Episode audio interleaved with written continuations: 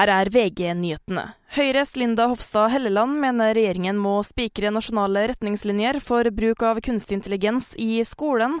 Aps Elise Vågen foreslår et forbud mot rene skjermbaserte skoler. For mens Hofstad Helleland mener regjeringen ikke kan lukke øynene for at kunstig intelligens er et hjelpemiddel, vil Vågen sende et kraftig signal om at også fysiske bøker skal brukes på alle trinn i grunnskolen.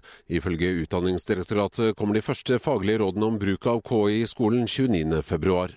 Reporter Frode Sti. Røkke-selskapet Aker kjøper et jaktområde i Sverige for 200 millioner svenske kroner. De har kjøpt Henvollen fjellgård, som har konferansesenter, og 100 000 mål skog. Aktor ber om 14 års fengsel for 30-åringen som er siktet for drap med spikerpistol.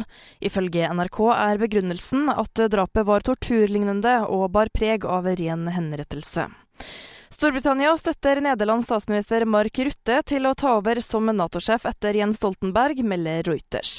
Fra før har Politico meldt at president Joe Biden ønsker at Rutte overtar.